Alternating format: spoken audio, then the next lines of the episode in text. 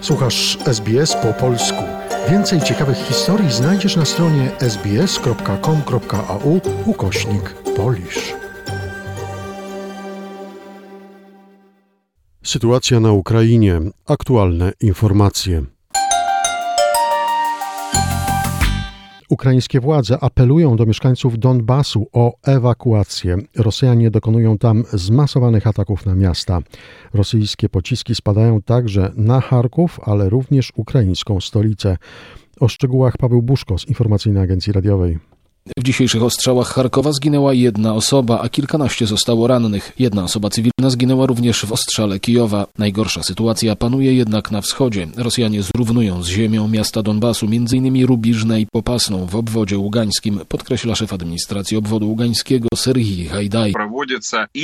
Rosjanie prowadzą zarówno celowe ostrzały dzielnic, ale też chaotyczne ostrzały strzały. Nie ma różnicy, czy są to domy mieszkalne, czy też miejska infrastruktura. Wszystko im jedno.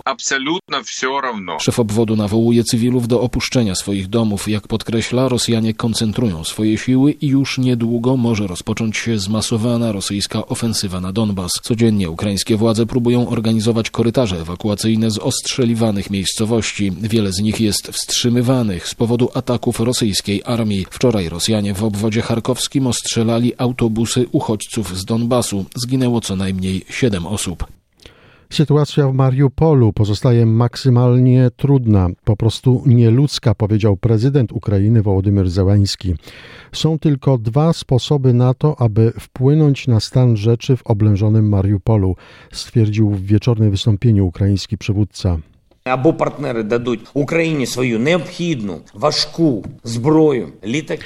Albo partnerzy natychmiast przekażą Ukrainie całą niezbędną broń i samoloty, abyśmy mogli zmniejszyć presję okupantów na Mariupol i go odblokować, albo ścieżka negocjacyjna, w której również decydująca powinna być rola partnerów. Od początku blokady Mariupola nie było ani jednego dnia, w którym nie szukalibyśmy rozwiązania wojskowego lub dyplomatycznego, by ratować naszych ludzi, powiedział prezydent.